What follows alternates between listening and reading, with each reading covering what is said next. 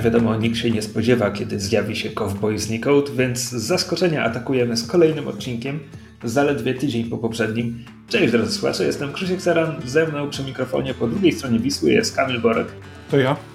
A to jest sezon siódmy Kosmicznych Kowbojów, odcinek trzeci o serialu Andor, ponieważ trochę tak jak teoretyzowaliśmy tydzień temu, Andor zaskoczył nas odcinkiem, Andor przełamał swoje tempo, czyli mieliśmy mm. dwa zasadniczo pojedyncze filmy podzielone na trzy odcinki i teraz dostajemy odcinek, w którym Andor staje się typowym serialem, to znaczy ciągnie naraz cztery różne wątki. To jest trochę epilog do poprzedniego arku, trochę ale też taka, prolog do następnego.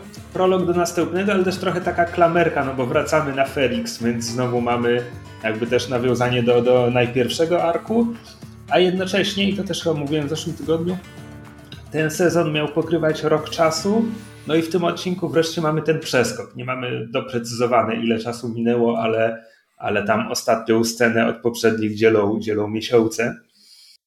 Um, e, I jest to, jest to ciekaw, ciekawy chwyt. Znaczy, bo teraz, patrząc na tę listę, wygląda na to, że teraz z kolei czeka nas znowu trzyodcinkowy ark i potem dwuodcinkowy finał. Chyba. A tak, tak. E, zapamiętałem ten odwrót. Myślałem, że teraz będą te dwa odcinki, a potem trzy. E, e Przy czym jakby opieram się tu tylko na tym, że łączy je osoba reżysera, no, no ale no tak.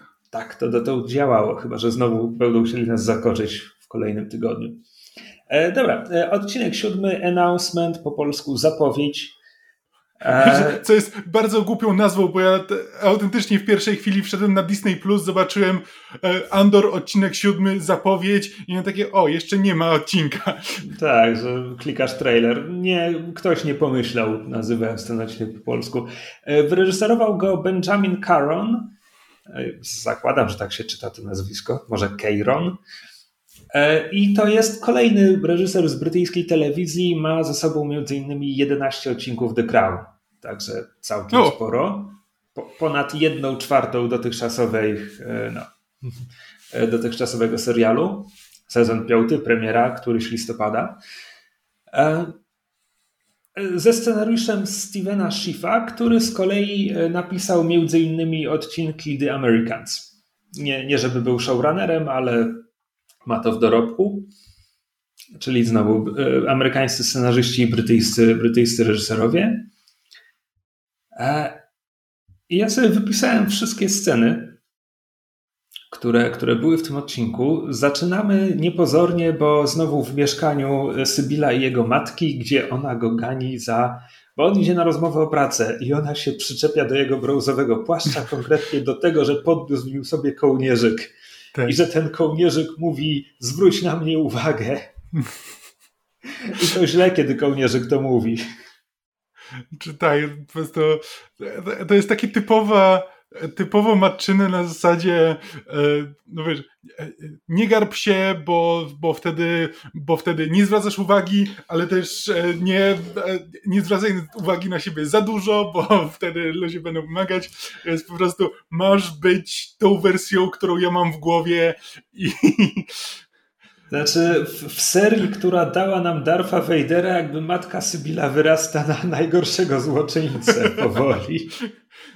Karen w tej scenie jest piękny, bo on praktycznie na, każde, na każdy jej komentarz na temat jego ubioru odpowiada to brązowy płaszcz, mamo.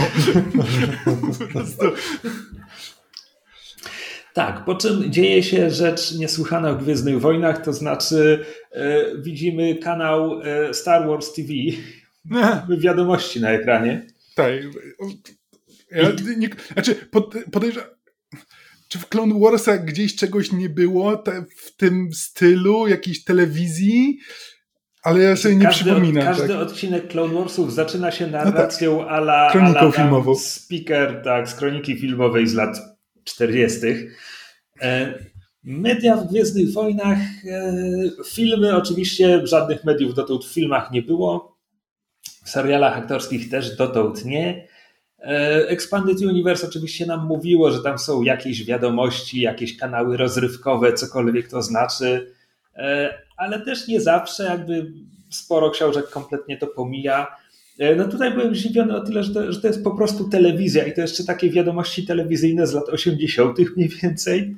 Mhm. Żadnego tam bajerowania infografikami, tylko po prostu człowiek w kosmicznym garniturze, który mówi, że oczywiście doszło do terrorystycznego ataku na Aldani, e, który spotkał się z szybką odpowiedzią i reakcją, bo to chyba tutaj z telewizora słyszymy, że aresztowano 130 Aldańczyków. 130 Aldańczyków. Pomyślmy, zastanówmy się nad tą liczbą na moment, bo wiemy, mhm. że grupa, która podeszła pod garnizon, to było 50 do 60 osób. Czyli zgarnęli tak. ich wszystkich, a potem jeszcze drugie tyle gdzieś w zupełnie innym miejscu. Tak, prawdopodobnie po prostu znajomych i rodzinę. E, tak. Znaczy tak, bo jak się za chwilę, za chwilę dowiemy, to jakby Imperium, e, Imperium w tym momencie wdraża politykę zbiorowej odpowiedzialności. Tak, bo ta scena płynnie przechodzi w kolejny briefing w siedzibie Imperialnej Służby Bezpieczeństwa. E, początkowo jeszcze Dedre się szykuje do briefingu, dobiera mundur, ubiera się i dopiero tam idzie, ale przez cały ten czas słyszymy narrację oficera prowadzącego ten briefing, naszego starego, dobrego przyjaciela, mojego przynajmniej. E, on nie jest, on, nikt się do niego nie zwraca po imieniu, identyfikują go e, napisy dla, nie, dla niedosłyszących ale ten wąsaty pan to jest Wolf Jularen, obecnie pułkownik, obecnie pułkownik Imperialnej Służby Bezpieczeństwa, wcześniej admirał we flocie Republiki, znany z Clone Warsów, e, znany fanatykom e, z Nowej Nadziei, bo on nie ma ani jednej kwestii, tylko jest po prostu oficerem w białym garniturze na Gwieździe Śmierci, w garniturze, w białym mundurze. Ja kompletnie, e, kompletnie to przegapiłem. Najwidoczniej przegapiłem, jak go podpisali w napisach. Jakby Jularena, znaczy, jak już wielokrotnie wspominałem, ja e, Clone Warsów nie oglądałem poza dosłownie pojedynczymi odcinkami, ale, ale słucham na bieżąco A More Civilized Age, podcastu o e, wojnach klonów.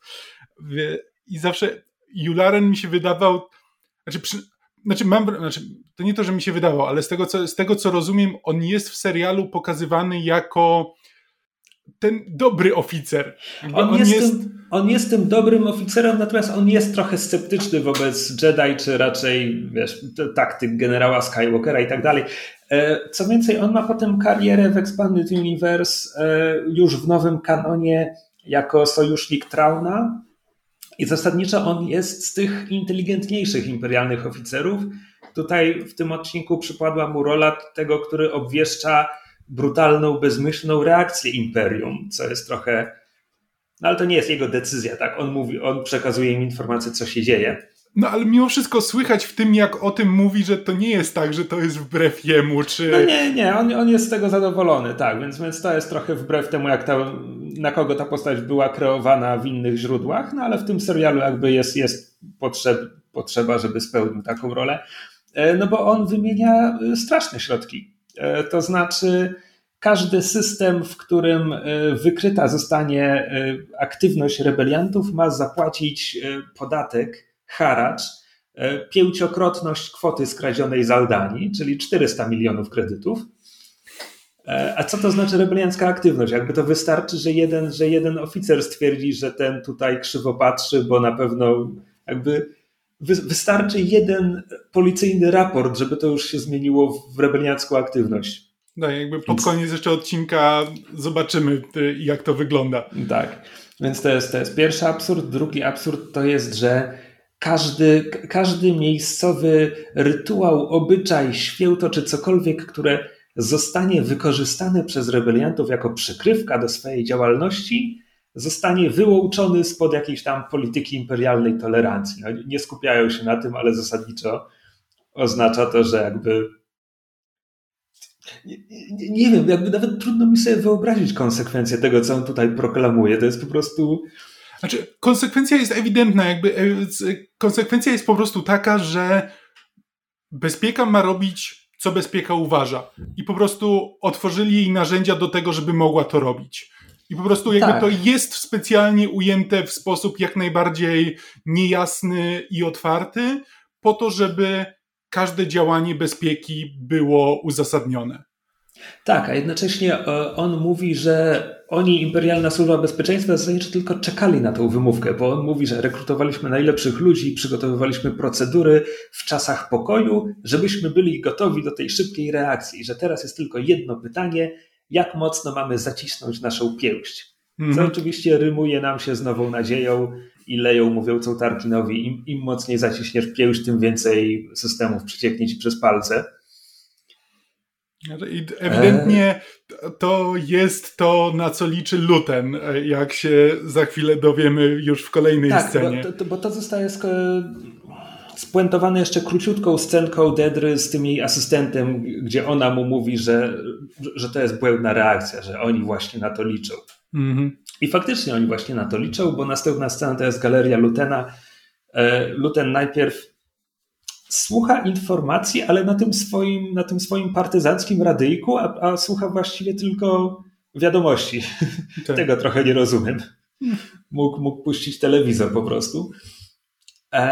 I przylatuje do niego Mon Mothma oficjalnie, żeby zwrócić ten tam podarunek dla, dla męża, bo się nie sprawdził, a nieoficjalnie zaraz, kiedy zamykają się za nią drzwi galerii, naskakuje na Lutena z pytaniem, czy, czy to on za tym stoi to, to, to, mnie zaskoczyło, bo jakby jakoś w ogóle nie rozważałem tego, że Mon, Mot, Mon Motma nie wie, co Luten robi.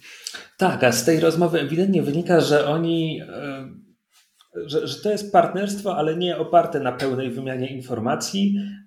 Wręcz wygląda to tak, że Motma faktycznie zajmuje się tylko zbieraniem funduszy, a jakby działania operacyjne podlegają wyłącznie e, Lutenowi. Znaczy tak, e... tutaj widać też jakby znaczy mam wrażenie, że to jest takie wprowadzenie do, w serialu do pokazywania jakby różnych myśli. E, właśnie, bo w, pierwszej, w pierwszym odruchu chciałem powiedzieć, że, że lewicowych, ale podejrzewam, że to bardziej chodzi o antyimperialistycznych, czy e, bo, bo później jeszcze poznamy e, znajomego Mon Motmy, co do którego mam pewne podejrzenia, ale to, to z, dojdziemy do tego później, ale po prostu Mon Motma jakby chce wszystko robić dość powoli, spokojnie i przy jak najmniejszej ilości ofiar pobocznych, a Luten jest po prostu akceleracjonistą.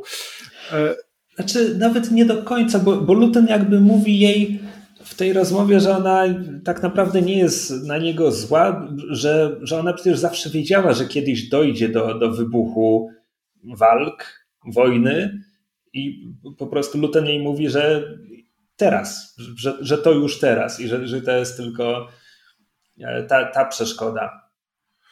Tak, tylko że jakby ale też jak, e, już nie pamiętam co dokładnie Monmouth mówi, ale jakby ona wspomina o tym, że jakby, że w tym momencie dużo osób ucierpi, że jakby Mon Mothma liczyła na to, że no kiedy zaczną wojnę, to tak naprawdę wszyscy będą na to przygotowani, że jakby ludzie, którzy ucierpią, będą tymi, którzy zgodzili się na tę walkę, a nie po prostu e, osobami, które e, zostaną wciągnięte w to przez imperium. Tak, masz rację. I też Luten odpowiada jej, że właśnie o to chodzi, żeby cierpieli.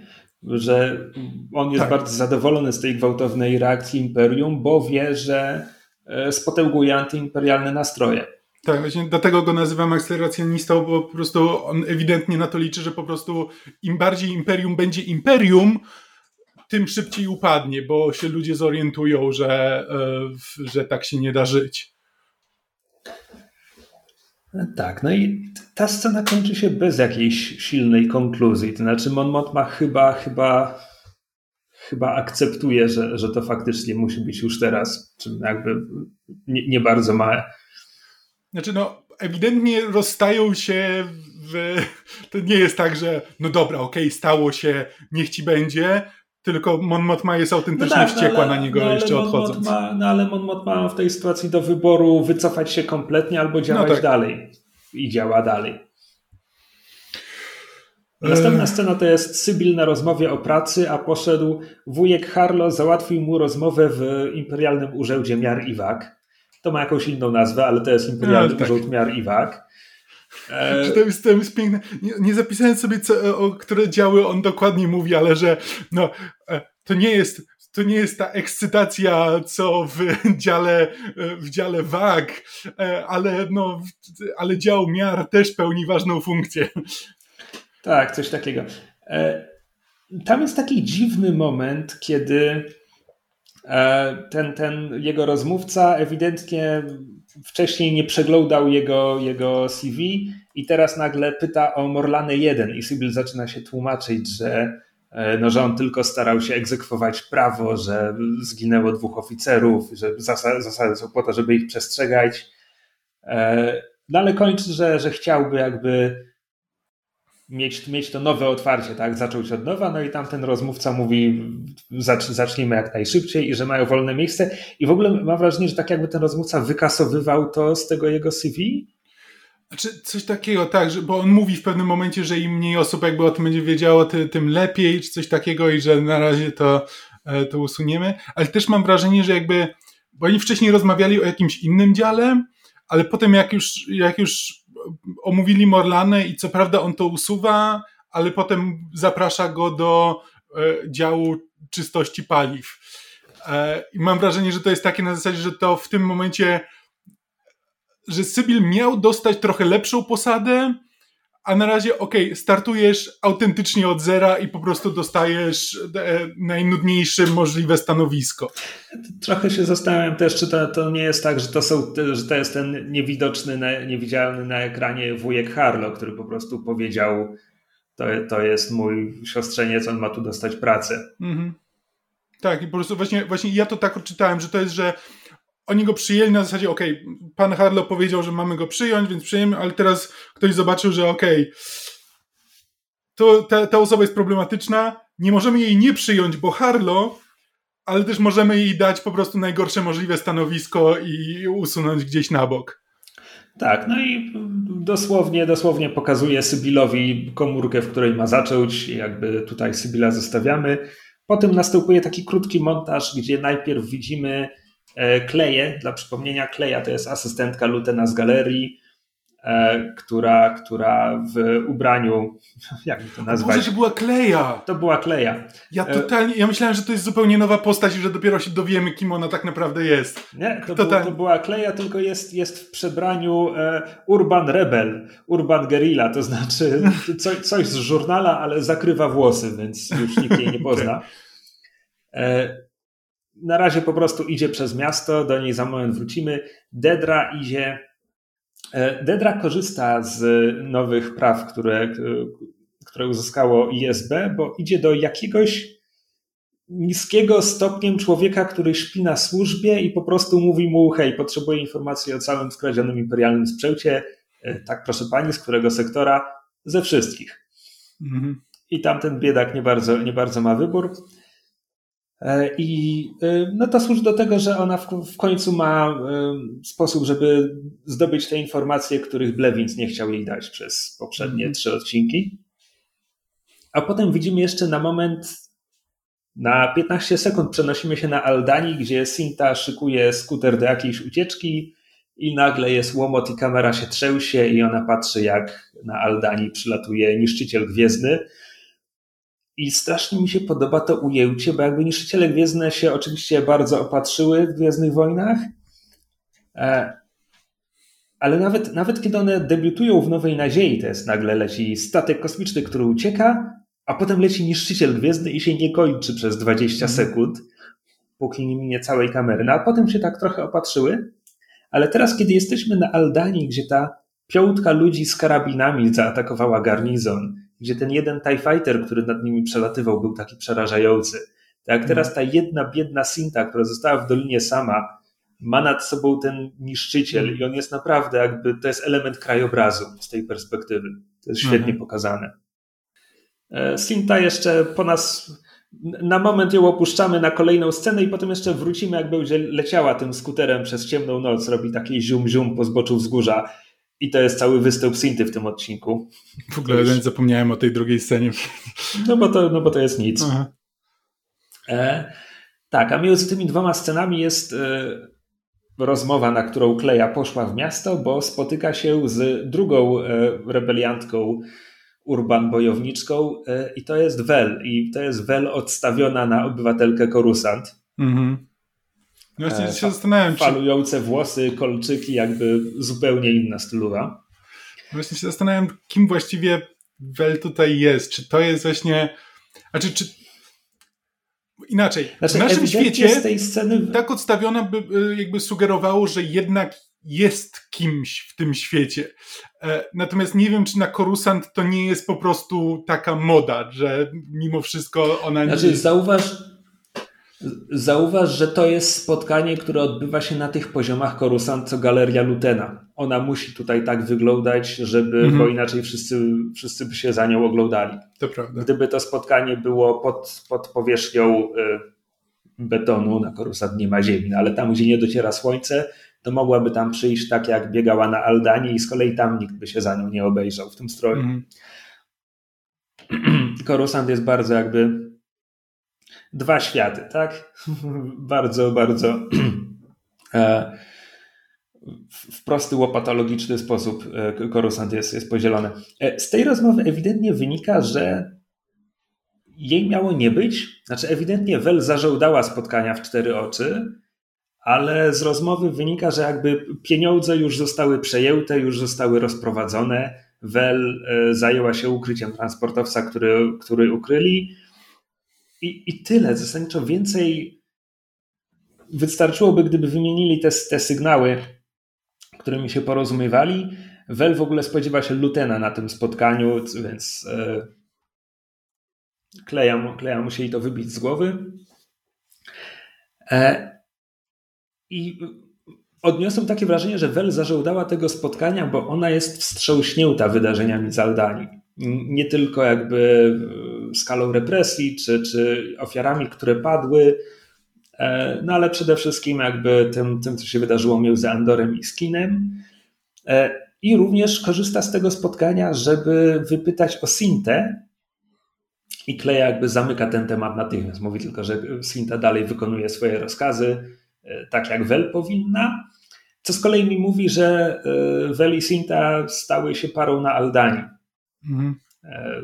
I, i dlatego jakby Wel teraz szuka jakiejś informacji, no bo w zasadzie nie ma, nie ma z nią kontaktu, nie ma jak się z nią skontaktować. E, ale Kleja ma dla niej jeszcze jedną, jeszcze jedną informację. Znaczy w ogóle jeszcze wspomina tak też, tak że Luten, Luten miał wątpliwości co do skina. Mhm. Co, co sugeruje, że e, proponowana przeze mnie teoria szlachetnego skina to, to jest jednak nadużycie i nie, nie ma tam drugiego dna. Ty. E, ale co więcej, Lutem wskazuje teraz Andora jako problem, jako, jako ślad, który trzeba zatrzeć i Wel dostaje polecenie odnaleźć Kasjana Andora, którego zna jako Klema i wyeliminować.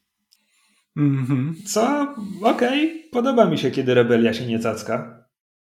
No, nie, to jest, to, to, jest to, to było to, za co polubiłem Rogue One, tak? Za, za pokazanie, że tak, szlachetni bojownicy, buntownicy i idealiści, ale pod spodem są mechanizmy trochę bardziej prawdziwego ruchu oporu i, i szpiegostwa. Mhm. E, przy czym tutaj widać, że Welte nie jest z tego zadowolona. Nie, jakby nie. Wel się w ogóle tego nie spodziewała, wcale nie uważa, że to jest dobry pomysł. Więc nie wiem, co z tego będzie. Mam pewne podejrzenia, ale to też jakby może, może na koniec, bo to zależy od tego, co się wydarzy w finale, a nie chcę przeskakiwać. Tak. E, potem przenosimy się na Ferix, gdzie ciemną nocą Kasjan wraca do domu i to dosłownie, bo wchodzi, wchodzi do domu, budzi Marwę e, i mówi jej: Hej, spadamy. Mhm. Zarobiłem kupę kasy, spadamy, ale dokąd? Gdziekolwiek, gdzie tylko chcemy. E, I Marwa nie, nie wyrywa się do tego pomysłu. Mówi Kasjanowi, że nie powinien był wracać, że teraz jest tutaj niebezpiecznie. E, I w końcu chyba gra kartą swojego wieku. Na zasadzie Andor, do Andora dociera, że obudził emerytkę w nocy i że to, to reszta tej rozmowy może jednak poczekać do rana. E, w każdym razie ten, ten powrót do domu ewidentnie nie, nie wygląda tak, jak Kasjan to sobie wyobrażał. No tak, on liczył na to, że Marwa się ucieszy na jego widok, że zaczną się zbierać i po prostu uciekną jak najszybciej. No, znaczy tak, w tym momencie jest przekonany, że Marwa po prostu wyrwana ze snu jeszcze nie do końca do niej dociera, co on do niej mówi, więc musi jej dać czas, e, żeby się wyspać i rano, rano wrócą do tematu i na pewno wtedy, wtedy Tak, tymczasem ich kolejna scena powie nam, że Marwa doskonale wie, co on mówi, po prostu się nie zgadza. Mhm. Ale zanim do tego dojdzie, mamy e, prywatkę u, u państwa Motmów, I to jest kolejna impreza, impreza jak z gali. E, piękne suknie, e, piękni ludzie.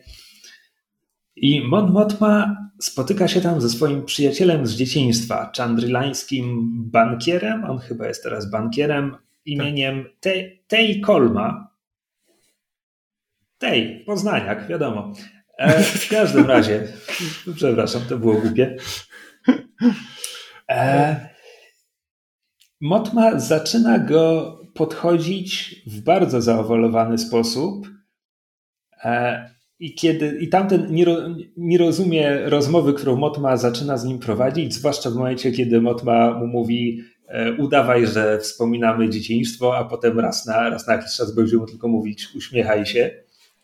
Znaczy tak, i to jest e... jeszcze ciekawie poprowadzone, bo to on na początku zaczyna od tego, że może nie powinniśmy teraz rozmawiać, bo, no bo, bo ja nie lubię Imperium i prawdopodobnie nie lubię go bardziej niż ty, bo, bo, ty pani, bo jesteś w końcu panią senator w tym Imperium, jesteś związana z tym, a no moje, moje opinie mogą być dla ciebie trochę zbyt mocne. I to, to, to, jest naprawdę bardzo ładna scena, kiedy w ogóle Motma się orientuje, co on próbuje jej powiedzieć i jak daleko jest od prawdy. Tak, no bo tutaj to jest scena, którą znamy ze zwiastunów. To znaczy, ona w końcu mu powie, że dopóki wszyscy uważają mnie za nieszkodliwą, nieszkodliwą natrętkę, e, jest, jest spora szansa, że przegapią to, co naprawdę robię. Mhm. A na pytanie, co naprawdę robisz, Motma mówi mu: Zakładam fundację, chcę, żebyś był prezesem. E, będziemy, będziemy zbierać fundusze. Fundusze na co? Lepiej, żebyś nie wiedział może się okazać, że moje opinie są dla ciebie za mocne. Tak. Co jest, co jest bardzo ładną puentą tej sceny. Potem tam przychodzi Perin, mąż Motmy i jeszcze w ogóle to jest strasznie brutalna kwestia. Znaczy w brutalny sposób prezentuje sytuację, w której Motma się znajduje, bo zanim on do nich dołącza, ona ostrzega Teja, Perinowi nie można ufać. Nic, nic przy nim o tym. Znaczy, e, Natomiast jest wcześniej taka... w tej rozmowie, tak? Nie, jest we mnie taka myśl na zasadzie, że mogłoby się teoretycznie okazać, że no to, to jest sytuacja jak e, z ten z pana i pani Smith, gdzie Perin też Znanego jest. Znanego dramatu obyczajowego. Tak.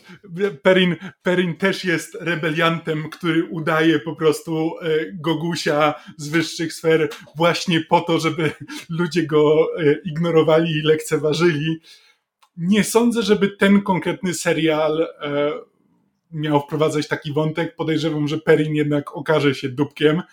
E, ale po prostu, ale nie mogę się wyzbyć tej myśli. Po prostu w tym momencie Perin jest kreowany na tak jednowymiarową postać, że aż, e, że aż mam ochotę doszukiwać się tego drugiego dna, ale też mam wrażenie, że serial nie czuję potrzeby, żeby każda postać była wielowymiarowa. Czasami zdarzają się ludzie, którzy są po prostu e, tępi, głupi i źli i, i tak już jest. I trzeba z tym żyć i trzeba wokół nich jakoś obchodzić.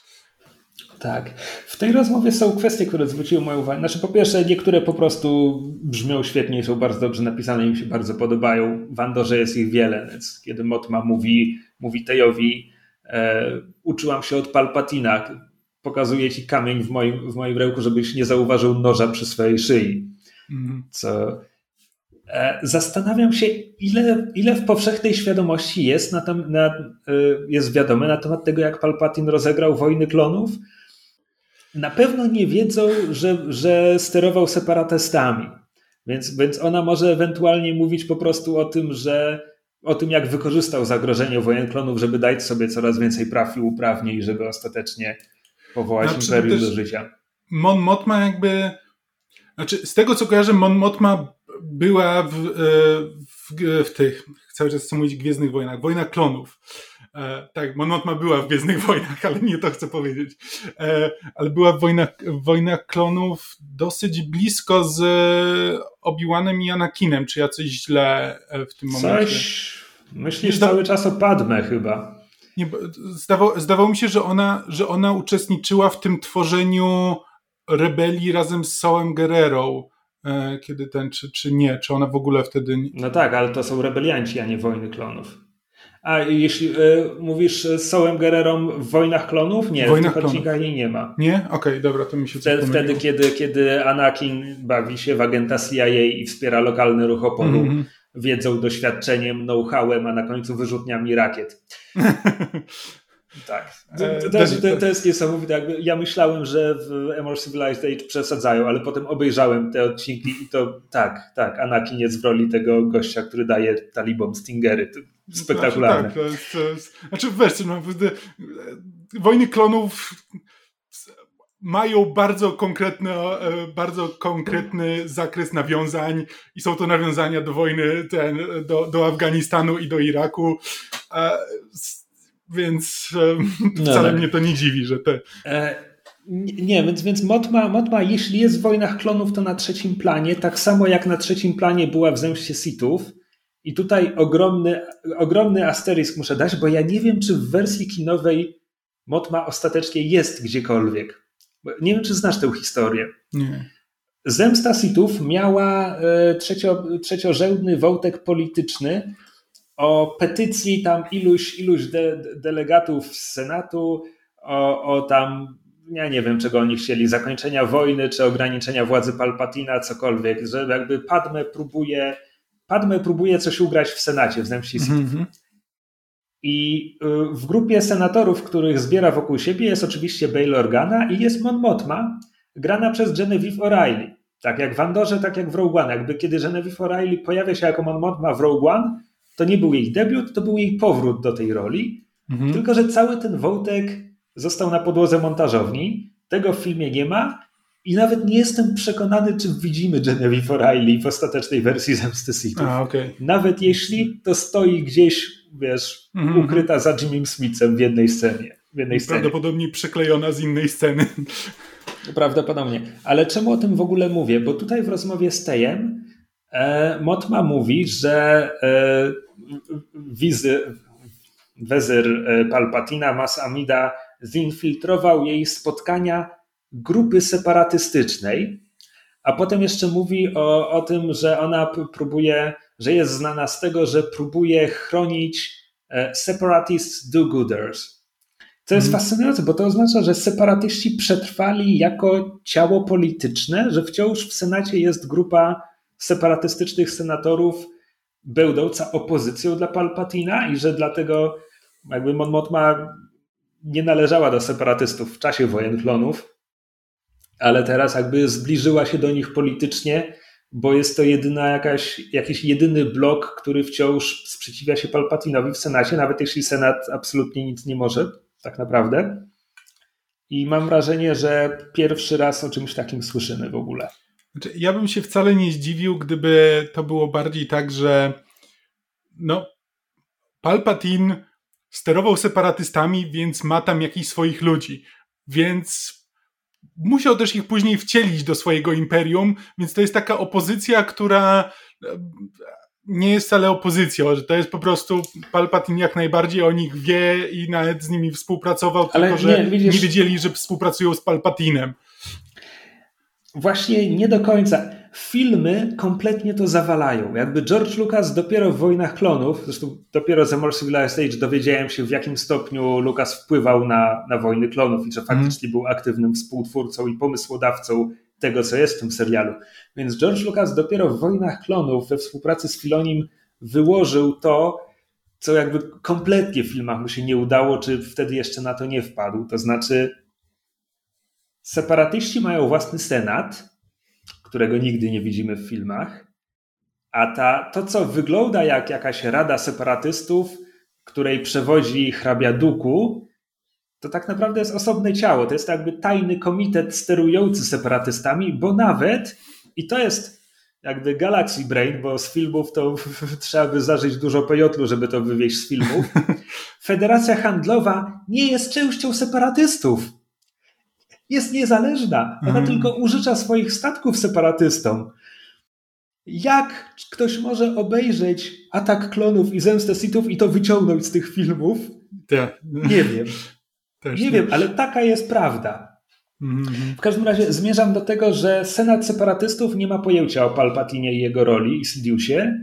E, Senat Separatystów miał tylko swojego jakby charyzmatycznego przywódcę hrabiego Duku, o którym nie mieli pojęcia, że jest Sithem i uczniem Palpatina, więc jakby szeregowi senatorzy separatystów, jeśli są teraz z powrotem w imperialnym senacie, nie mają pojęcia, że byli kukiełkami. Dobra, idźmy znaczy, dalej, czym, bo to była... To nie znaczy, że Palpatine, że Duku był jedynym, co, jedynym agentem Palpatina, który jakby sterował nimi. Jakby... No tak, masz, masz rację. E, jakby bardziej zmierzałem do tego, że ci, Ale rozumiem, co mówisz. Ci, ci bezpośredni agenci podlegający Duku, czy nawet tacy, którzy mieli kontakt z Palpatinem mm -hmm. holograficzny, to jest ta grupka, którą Vader jeszcze przed założeniem zbroi morduje w zemście Sithów przed walką z Obi-Wanem. Okej. Okay.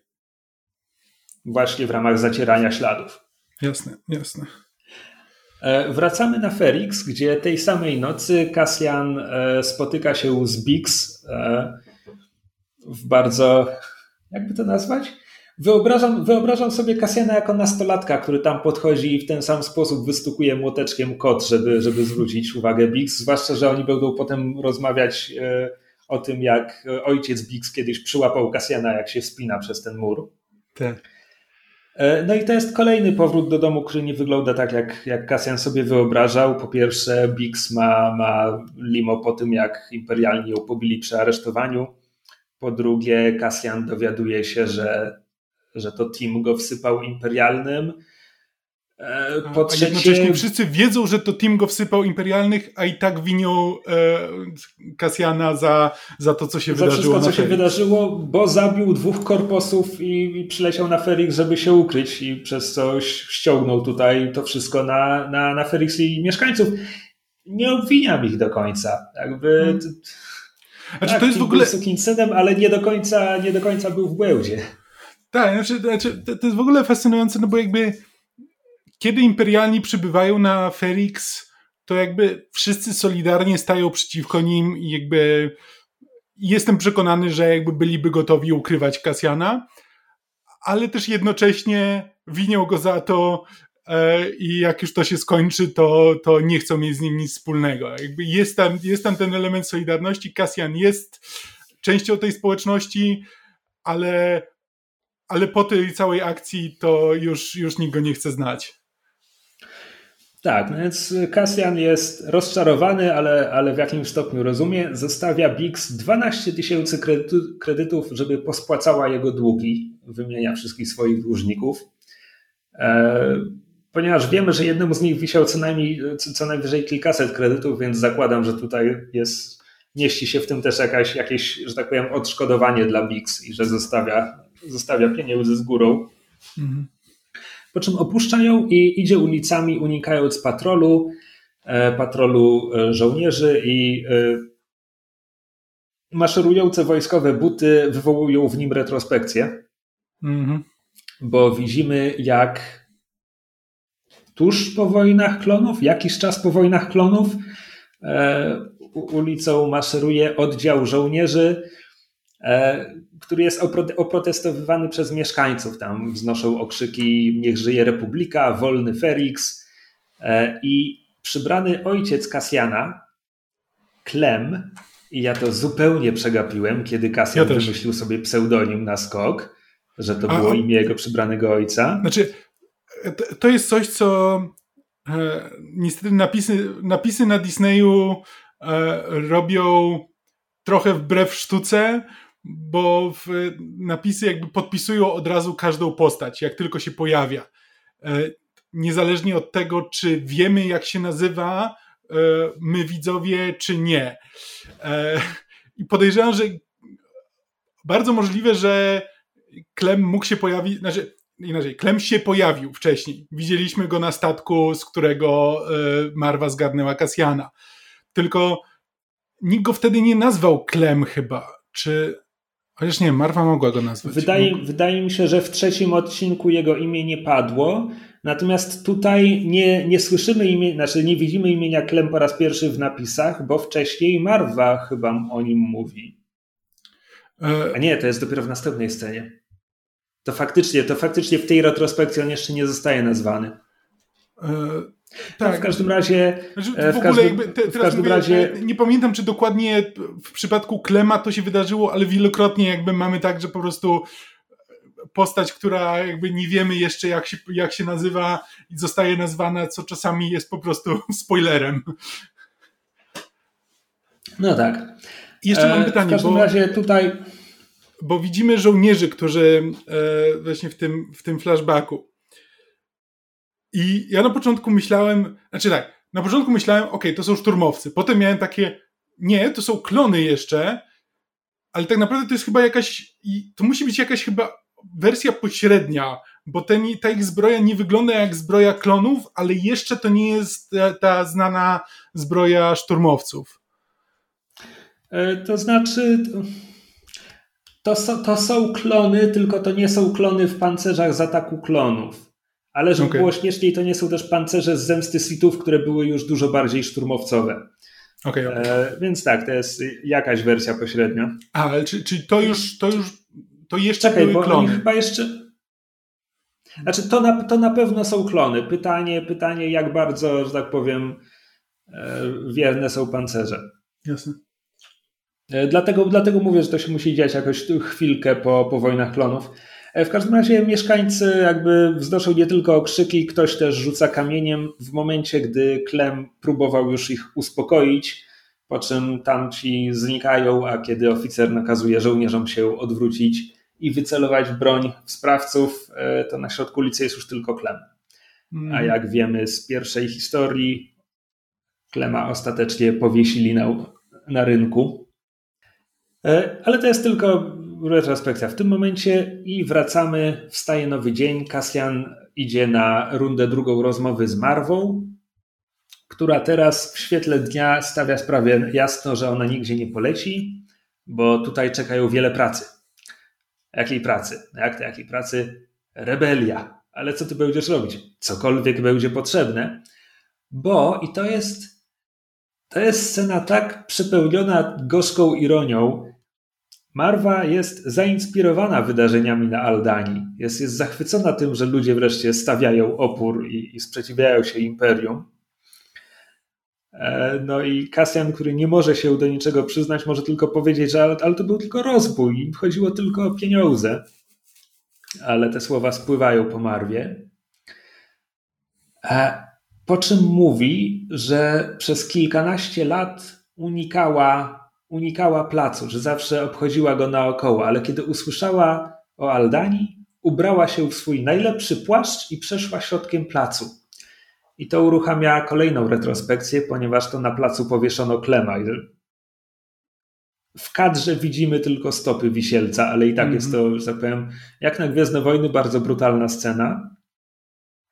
I w trakcie tej rozmowy widzimy jeszcze jeden e, flashback, kiedy Klem przypomina sobie, jak w środku zimy ruszył i to jest chyba jeszcze jego dzida z, e, z Kemani. Kasjan sobie e, Kasjan, tak. E, rzucił się na żołnierzy na placu, tam gdzie wciąż wisiały zwłoki jego ojca. Jeśli dobrze rozumiem, widzimy bardzo krótkie przebłyski, więc to nie jest do końca jasne. Co no więcej, te przebłyski są bardzo dziwne pod względem tego, jak prezentują Kasjana. W sensie, kto go gra w tych przebłyskach? Czy ty zwróciłeś na to uwagę? Mm, Kiedy mamy przebłysk z klonami, Klem, Klem kładzie Kasjanowi rękę na ramieniu i mówi mu, to, to nie jest nasza walka, nie mieszaj się w to. I jest zbliżenie nad jego lunę. Ale, Klem, ale Kasjan, który biegnie z dzidą na żołnierzy, to jest ten chłopak. A rzeczywiście. Jest zbliżenie. A, ale tak, przy czym to jest w ogóle dziwne, bo to, znaczy to jest taki, bo tak, widzimy, widzimy w tamtej scenie Kasjan, Kasjan stojącego przy murze, jakby ukrywającego się przed szturmowcami.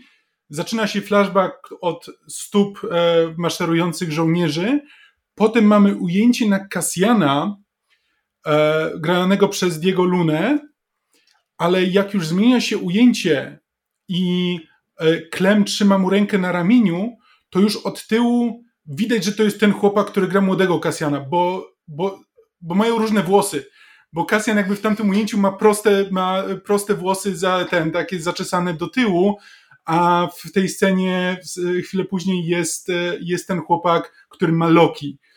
E, więc to jest, to jest ewidentnie jakby oni próbują zrobić takie przejście delikatne, że jakby Diego Luna jakby widzi siebie jeszcze jako ten w tamtej scenie, ale jak już, e, ale jak już przechodzimy dalej, to, to tak, to już później widzimy tego chłopaka i nawet jak jest zbliżenie później i widzimy twarz, to to już jest ten chłopak. Tak, no i zresztą wiemy przecież, że Kasjan trafił do imperialnego poprawczaka chyba mając 13 lat, czy coś takiego, więc mm. to nie, trochę nie miałoby sensu, żeby, żeby to był Diego Luna, więc jakby...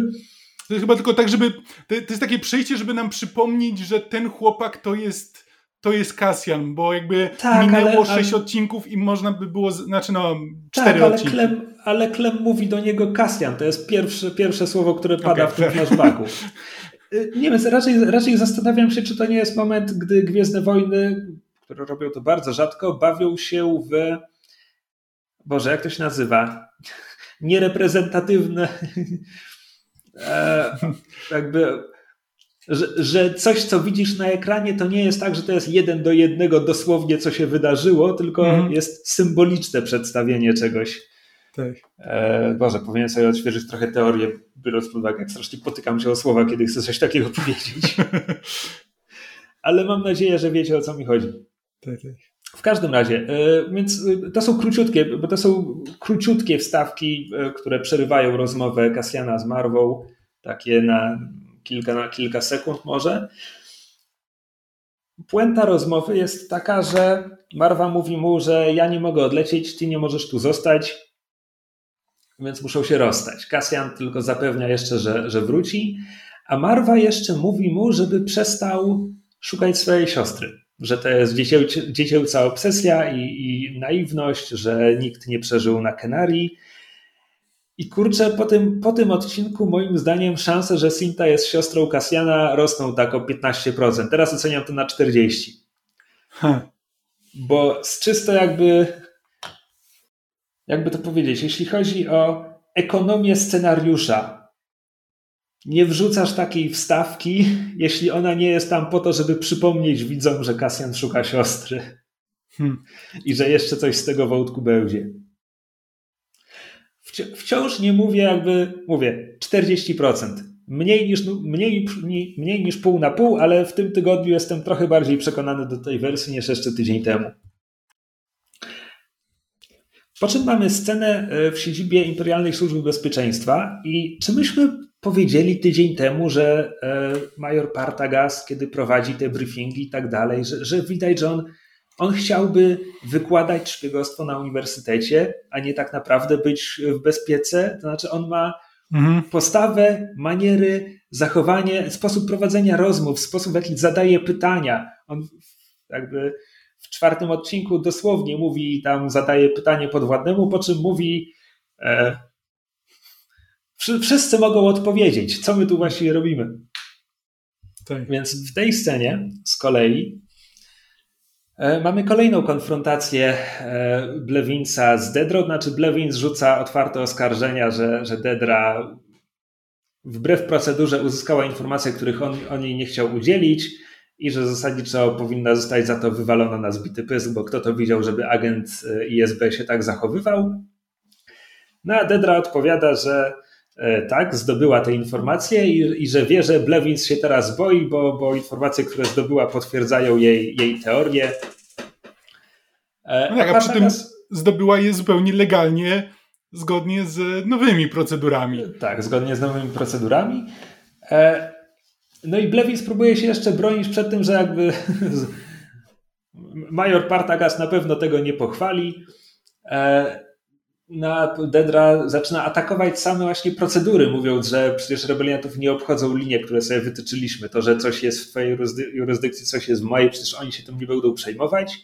I tutaj jest właśnie... Partagas znowu jakby typowo, w typowy sposób wykładowcy, który próbuje trochę e, tak rzucać wyzwanie jakby studentom po to, żeby, e, żeby zmusić ich do, do myślenia samodzielnego, jakby ale że co, że e, chcesz powiedzieć, że linie, które ja wytyczyłem, już nie mają znaczenia? E, no i jakby Dedra zdaje ten test, bo mówi, że no, zasadniczo to tak, no jakby rebeliantów, ich, rebeliantów to nie interesuje. Znaczy, jej odpowiedź na to pytanie to jest dosłownie e, systemy się zmieniają lub giną. Przez tak, systemy tak. Ma, na, ma, ma na myśli w tym momencie procedury, a nie systemy gwiezdne. E, po czym e, najbardziej profesorskie to jest, kiedy Partagas prosi ją o kontynuowanie słowami thesis, please. tak. Proszę podać hipotezę. E, I Dedra wygrywa tę rundę. Dedra mówi, że jakby informacje, które zdobyła, wskazują, że faktycznie są, są napady i kradzieże y, zaawansowanego sprzętu, gdzie powtarzają się, e, powtarzają się metody, że ukradziony sprzęt wskazuje przygotowywania do, do szerszej, szerszego zrywu niepodległościowego, e, szerszej rebelii. E, I Partagas na koniec, e, na koniec mówi po pierwsze, że wszyscy powinni wykazywać taką inicjatywę jak Dedra, a poza tym wyjmuje Ferix z jurysdykcji Blewinsa i przekazuje go Dedrze, żeby Dedra mogła polecieć tam i na miejscu poprowadzić swoje śledztwo. I jeszcze prosi ją prosi ją ze sobą, opuszcza salę, żeby poza salą pogratulować jej prywatnie, że dobrze to rozegrała i na koniec dodaje e, pilnuj pleców, że teraz, teraz mhm. wyjdą noże po tym, po tym, jak zapunktowała w ten sposób. E, Partagas jest super. Więcej z Partagazem, proszę. Yep. Czy tak, on rozgrywa swoich podwładnych w fascynujący sposób. Przy czym ewidentnie to działa, jakby to, jakby on to robi, on to robi autentycznie, znaczy totalnie świadomie. E, działa to, bo, bo na pewno w tym momencie Ble, bo Blevins ewidentnie był e, był jego pupilem, ale też na tyle służalczym, że właśnie brakuje Partagazowi w, e, tej inicjatywy, która Dedra, e, którą Dedra wykazuje. Więc jakby ta sytuacja, do której doprowadził, jakby jest cholernie niebezpieczna dla Dedry, ale bardzo dobra dla Partagaza, bo w tym momencie ma dwóch agentów, którzy są bardzo, bardzo dobrzy i będą chcieli się wykazać. Tak, coś co chciałem zauważyć w zeszłym tygodniu, ale zapomniałem, a tutaj mam wymówkę. Bo mieliśmy Jularena, republikańskiego admirała, który teraz jest wysoko postawiony w imperialnej bezpiece. Partagas, patrząc na jego wiek, on też 40 lat musiał mieć karierę czasach Republiki. Ci wszyscy ludzie, którzy poza, poza ludźmi w typie, w typie Karna, e, którzy dopiero teraz jakby są, nie wiem, po 20, po 30, no jakby kiedy system się zmieniał, oni byli jeszcze nastolatkami, więc mhm. oni są jakby ludźmi nowego systemu, ale ci wszyscy, którzy tak naprawdę tworzą te narzędzia represji, to są wszystko, wiesz, dobrzy republikańscy demokraci. Przecież, mhm. a czemu chciałem o tym powiedzieć tydzień temu? Bo ten rasistowski komendant, który mówi, no Aldańczycy, ten umysł nie potrafi tam, dwa pomysły naraz to za dużo, wystarczy dać im wybór, a nie zorientują się, że wszystkie opcje są złe. Przecież ten człowiek, on też musiał być kimś w Republice. Jakby ci, ci wszyscy straszni ludzie w mundurach, których tutaj widzimy, prowadzili długie kariery z sukcesami w starym Absolutnie. demokratycznym systemie. Znaczy tak, i to po prostu cały czas to są ci sami ludzie i to są wręcz te same narzędzia. Jakby to nie jest to, że imperium wprowadziło jakieś zupełnie, zupełnie nowe organy, tylko w najlepszym wypadku przekształciło istniejące. Ok, nie wiem, czy nie wiem, czy bezpieka istniała jako taka w tej formie, no ale na 100% istniała jakaś służba bezpieczeństwa, no bo musi istnieć wywiad. Tak, ja wiem, ja wiem, że George Lucas jakby nie był bardzo subtelny, kiedy w Zemście Sithów pokazywał, że Gwiezdne Wojny są historią tego, jak demokracja, jeśli się nie pilnuje, może zamienić się w system totalitarny. Znaczy ja wiem, trzeba się tego doszukać, ale to tam jest, uwierzcie mi. Natomiast to jest Lucas. A Expanded Universe i ludzie, którzy robią Gwiezdne Wojny poza Lucasem czy po Lucasie, często jednak bardzo skupiają się na piu-piu, lasery, fajnie jest, nie? Mhm. Więc jakby jest to dla mnie pewien szok znowu, że, że jakby to powiedzieć, Gilroy pamięta. Tak, znaczy jakby to prowadzenie jakby linii prostej pomiędzy Republiką a Imperium e, jest autentycznie interesujące i bardzo dobrze pokazane, że to nie jest tak, że no, no teraz musimy musimy walczyć o to, żeby wrócić do starych, dobrych czasów Republiki. Tak, czy że skądś przyszło złe imperium i teraz jest źle. Skąd przyszło, nie wiemy. No nagle tak. się pojawiło, nagle było. E, dobra, tutaj następuje w końcu przeskok czasu. Nie wiemy ile go mija, ale to myślę, że jest co najmniej kilka miesięcy, bo nagle znajdujemy się na planecie Niamos. Chyba pierwszy raz ją widzimy. Mewy le lecą nad morzem. Ludzie, ludzie na wybrzeżu. Która w takt muzyki, która totalnie mi się nie kojarzy z Gwiezdnymi Wojnami, ale jednak działa. Znaczy, jakby czuję, że to jest ta muzyka grająca na e, Rivierze, e, gdzie przyjeżdżają turyści się odprężyć w Gwiezdnych Wojnach. Dokładnie. I tutaj w ogóle zaczynamy. Akcja przenosi się do wnętrza jakiegoś pokoju hotelowego, gdzie jest jakaś piękna kobieta, która budzi się na łóżku. E, a Kasjan jest w łazience, znaczy puścił prysznic po to, żeby zagłuszył odgłosy tego, jak wyciąga kredyty z walizki, którą zachomikował na prysznicu. Kasjan, e, znany tutaj jako Kif, potem z, z, finału odcinka dowiemy się, że jego pełen pseudonim to Kif Girgo. Świetne gwiezdnowojenne imię. Znaczy w ogóle jakby wszelkie, wszelkie prawdziwe e, amerykańskie czy anglosaskie imiona tylko ze zmienioną literką, to jest e, top tier imion w Gwiezdnych Wojnach. Skif, ale przez dwa E i F na końcu. Tak. E, no i jego, jego partnerka mówi mu, że pokończyły im się. Zakładam, że ona mówi o przekołskach, chociaż początkowo myślałem, że o narkotykach, ale wysyła go po prostu do spożywczaka, więc raczej chodzi o przekołski. E, ja, ja sobie wyobraziłem po prostu e, płatki śniadaniowe. Prawdopodobnie. Więc Kasjan, przepraszam, Kif bierze drobniaki i idzie na spacer do sklepu nabrzeżem w takt skocznej muzyki. Nabrzeże jest pełne plażowiczów, którzy po prostu patrzą sobie w morze, nikt się nie kąpie. I nagle za kifem biegną jacyś ludzie. Biegnie grupka ludzi i mówią: uciekamy, spadamy, a potem nad kifem przelatują droidy. To, to są te takie probe droids, jak z Imperium kontratakuje. I widać po Kasjanie, jak on się bardzo utrzymuje się pod kontrolą. To mhm. nie jest jego sprawa, on tutaj jest po prostu turystą i on po prostu idzie, ale rozgląda się czujnie, żeby się zorientować, co się dzieje i czy jest w niebezpieczeństwie. I ostatecznie to rozglądanie się przyciągnie uwagę żołnierza w pełnej zbroi. To jest, ponieważ Imperium ma rodzaje szturmowców e, do każdego terenu, więc szturmowcom, którym e, przypadło patrolowanie czy e, operowanie na, na piaszczystych plażach, to, to są short trooperzy. Mhm mnie po prostu bardzo śmieszy, że jest osobna dywizja tyl, tylko do plaż i terenów brzegowych. Oczywiście, że tak.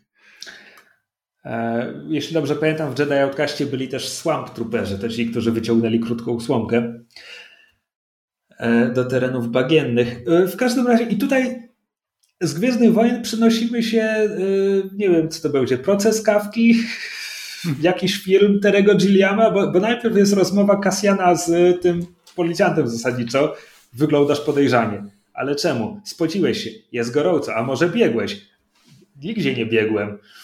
To twoi mhm. kumple? Ja ich nie znam, jestem turystą. To czemu bieg, to czemu uciekałeś? Ale ja nie uciekam. Masz rację, już na to za późno.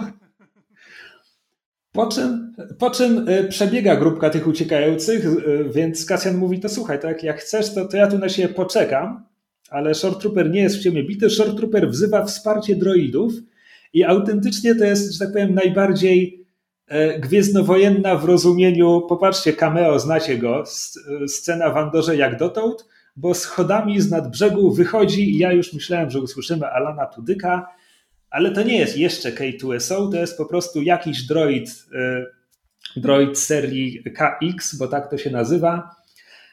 E, ciągnął za sobą w ogóle dwóch tych, tych uciekinierów. Potem jeszcze kolejny będzie w tle, więc to nam mówi, że to, to jest e, maszyna seryjnej produkcji, więc nie możemy się spodziewać, że zaraz każdy jeden z nich będzie Alanem Tudykiem.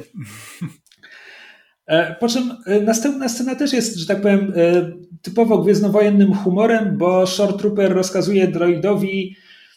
Ja nawet nie wiem, co on mówi. Nie mam pojęcia, co polskie tłumaczenie z tym zrobiło. Sprawdziłem teraz w napisach i on mówi.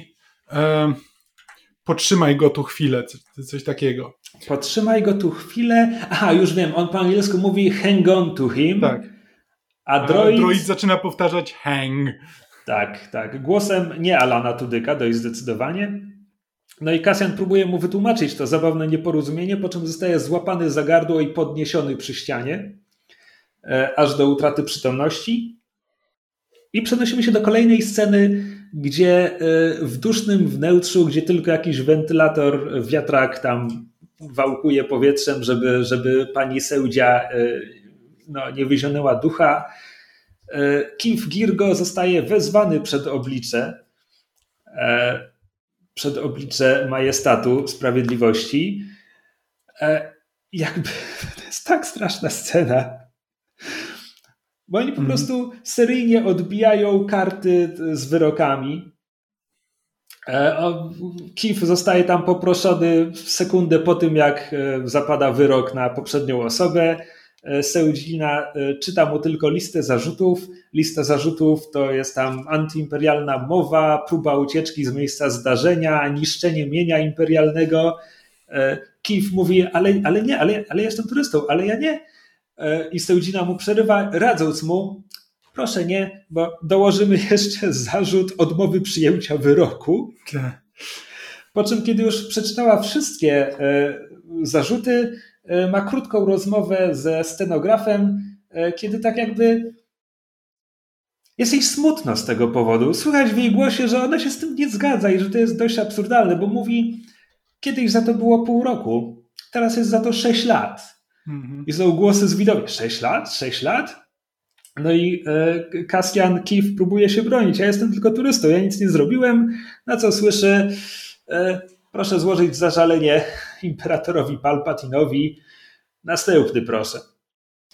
Znaczy, to jest w ogóle fascynujące, bo to, to nawet nie jest to, że to są metody e, sowieckie czy coś, e, bo wielu jakby wielu krajach, gdzie jakby wyroki absolutnie tak wy, wyglądają, że na zasadzie dostajesz wyrok i no i sorry, do, dostałeś wyrok e, i, i tyle turyści zazwyczaj są trochę z tego wyłączeni, jakby szczególnie w takich jakby typowo turystycznych miejscach. Jakby możesz wciąż przyjechać e, do kraju i tam się, te, tam się zabawić i turystów nie ruszamy, e, to jest ten. To jest, to jest bardziej Korea Północna, jakby kiedy już, kiedy nikt nie jest bezpieczny, każdy jest potencjalnym e, potencjalnym wrogiem. Tak, no z tej sceny słyszymy, że jakby wprowadzono nowy kodeks karny, kary surowsze dziesięciokrotnie. E, Jularen jeszcze mówił o tym, że nastąpi, e, brakuje mi słowa, ale że, ale że przejrzą e, wszystkie wyroki wszystkich aktualnie tak. odbywających kary i że tam Także ta anty, w adekwatnych sytuacjach te kary zostaną przedłużone. Tak, tak. E, no i na tym kończymy odcinek, że jakby Kasjan idzie do więzienia na 6 lat. I ja się teraz zastanawiam, znaczy ucieknie stamtąd. Ja się tylko teraz zastanawiam, czy kolejny tercet odcinków, czy to będzie Prison Arc, czy to się wszystko rozegra w więzieniu i czy będzie znaczy, ucieczce z więzienia. Moje podejrzenie jest takie, że to może być wyścig o to, kto dotrze do Kasjana pierwszy, bo... Wel jeśli... czy Dedra? Tak, bo jeśli Imperium się zorientuje, że mają Kasjana Andora, a jakby szukają Kasjana Andora i na pewno Dedra bardzo szybko będzie w stanie połączyć kropki, kto jest kto i, i połączyć go nawet z akcją na Aldani. W związku z czym, jeśli wiesz, to jest kwestia tego, a na pewno z kolei, jeśli Luten się dowie o tym, że Andor jest w więzieniu imperialnym, to musi go stamtąd wyciągnąć, bo jeśli imperialni go dorwą, to będzie przekonany, że Andor ich wsypie. Więc to jest, to może być wyścig o to, czy najpierw rebelianci dotrą do Andora po to, żeby go wyciągnąć z więzienia, a potem zabić, czy imperialni dotrą do więzienia po to, żeby wyciągnąć z niego informacje, a potem go zabić. No ciekawe. E, Wciąż jestem ciekaw, no jakby poznamy cały sezon, będziemy mogli lepiej ocenić, e, jak ten odcinek się sprawdza jako taki, takie przejście, po prostu przegub łączący pierwszą połowę sezonu z drugą. Mm. Mam wrażenie, że jest najbardziej, że tak powiem, serialowym w ten sposób, że no niby, niby opowiada kawałek jakiejś zamkniętej historii, no bo Kasjan trafiający do więzienia to ewidentnie jest puenta tego, co się dzieje w tym odcinku, ale z drugiej strony tak naprawdę jest tutaj tylko po to, żeby pociągnąć, jakby przypomnieć, ok, to są wszystkie wątki, to są wszyscy bohaterowie, których mamy. Poza Brasso, nie zobaczyliśmy Brassa, mi go zabrakło na przykład. E, to są wszystkie wątki, wszystkie postaci. To się wydarzyło, mamy przeskok w czasie, jedziemy dalej. Tak, bo on, na początku nawet tak myślałem, że on mi najbardziej przypomina piąty odcinek, który był takim e, bardziej spokojnym odcinkiem, gdzie niewiele się działo, to były głównie rozmowy, to był te, te jak w grze o tron przed ostatnim oblężeniem Winterfell, e, z, gdzie po prostu wszyscy ze sobą rozmawiają o tym, jak się czują i co zaraz będzie. No przecież ten odcinek jest skupiony na rozmowach. To jest głównie różni ludzie rozmawiający ze sobą o tym, co się wydarzyło i co się zaraz wydarzy, ale też każda scena dużo bardziej popycha akcję do przodu. To nie jest tylko po to, żeby poznać bohaterów, czy żeby ich rozwinąć, tylko po to, żeby albo podomykać wątki, albo pootwierać nowe wątki. Jakby wszystko ma e, jakąś rolę w fabule. Tak, więc oczywiście nie jesteśmy tak zachwyceni jak tydzień temu, no ale dajcie spokój, co, co może konkurować z tamtym odcinkiem. E, jestem bardzo zaintrygowany tym, jak będzie wyglądać następna historia. Ja jestem teraz najbardziej zainteresowany tym, kim się okaże tej. A właśnie, bo, bo mówię, że masz jakąś teorię. Znaczy, nie jest teoria, tylko po prostu miałem takie Przeczucie, zasadzie... instynkt. E... Źle mu z oczu patrzy. Ma podejrzaną mordę. Nie ufasz bankierom. O co chodzi? tak, e, to najbliżej. Znaczy, chodzi mi o to, że jakby tej jedyne, co mówi Mon Motnie, to, że jakby nie lubi Imperium, e,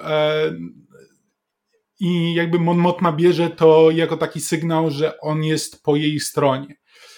I tutaj jakby się zastanawiam, czy nie dojdzie do jakiegoś takiego e, e, z, jak to się po polsku nazywa? Nie zamianę oczekiwań. E, wykolejenie oczekiwań, whatever. E, bo po prostu on tak naprawdę mógłby być prawicowym antyimperialistą. On mógł w sensie być tym. Co, że imperium, imperium jest za mało brutalne? Nie, albo że po prostu jakby on ten, zależy mu po prostu na, na, na czym zupełnie innym, jakby, że on jest tym bankierem i on chce prowadzić swoje interesy, a imperium mu w tym przeszkadza. E, I po prostu, i wiesz, ma dużo, ma, ma dużo ludzi, gdzie po prostu to jest bardziej bardziej wolnościowców w takim, wiesz, rozumieniu E, polsko-konfederackim niż e, progresywnych antyimperialistów, e, rebeliantów. Ciekawe, ciekawe. Nie, nie miałem takiego przeczucia. Zobaczymy.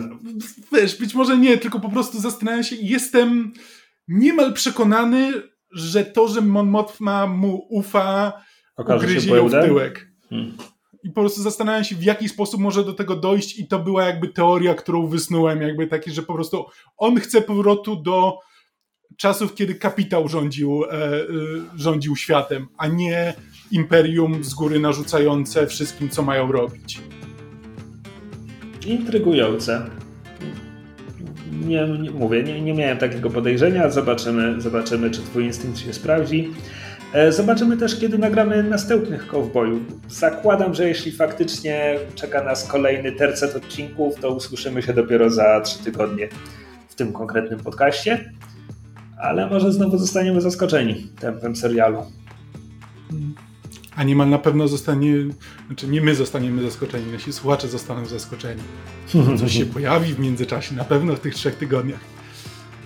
Znaczy, Okej, okay. no tak, mówię na pewno, mówię na pewno. To, nic się nigdy na pewno nie pojawi, e, bo, e, bo, bo takie jest życie, ale, ale na 80 do 90% coś się pojawi w międzyczasie.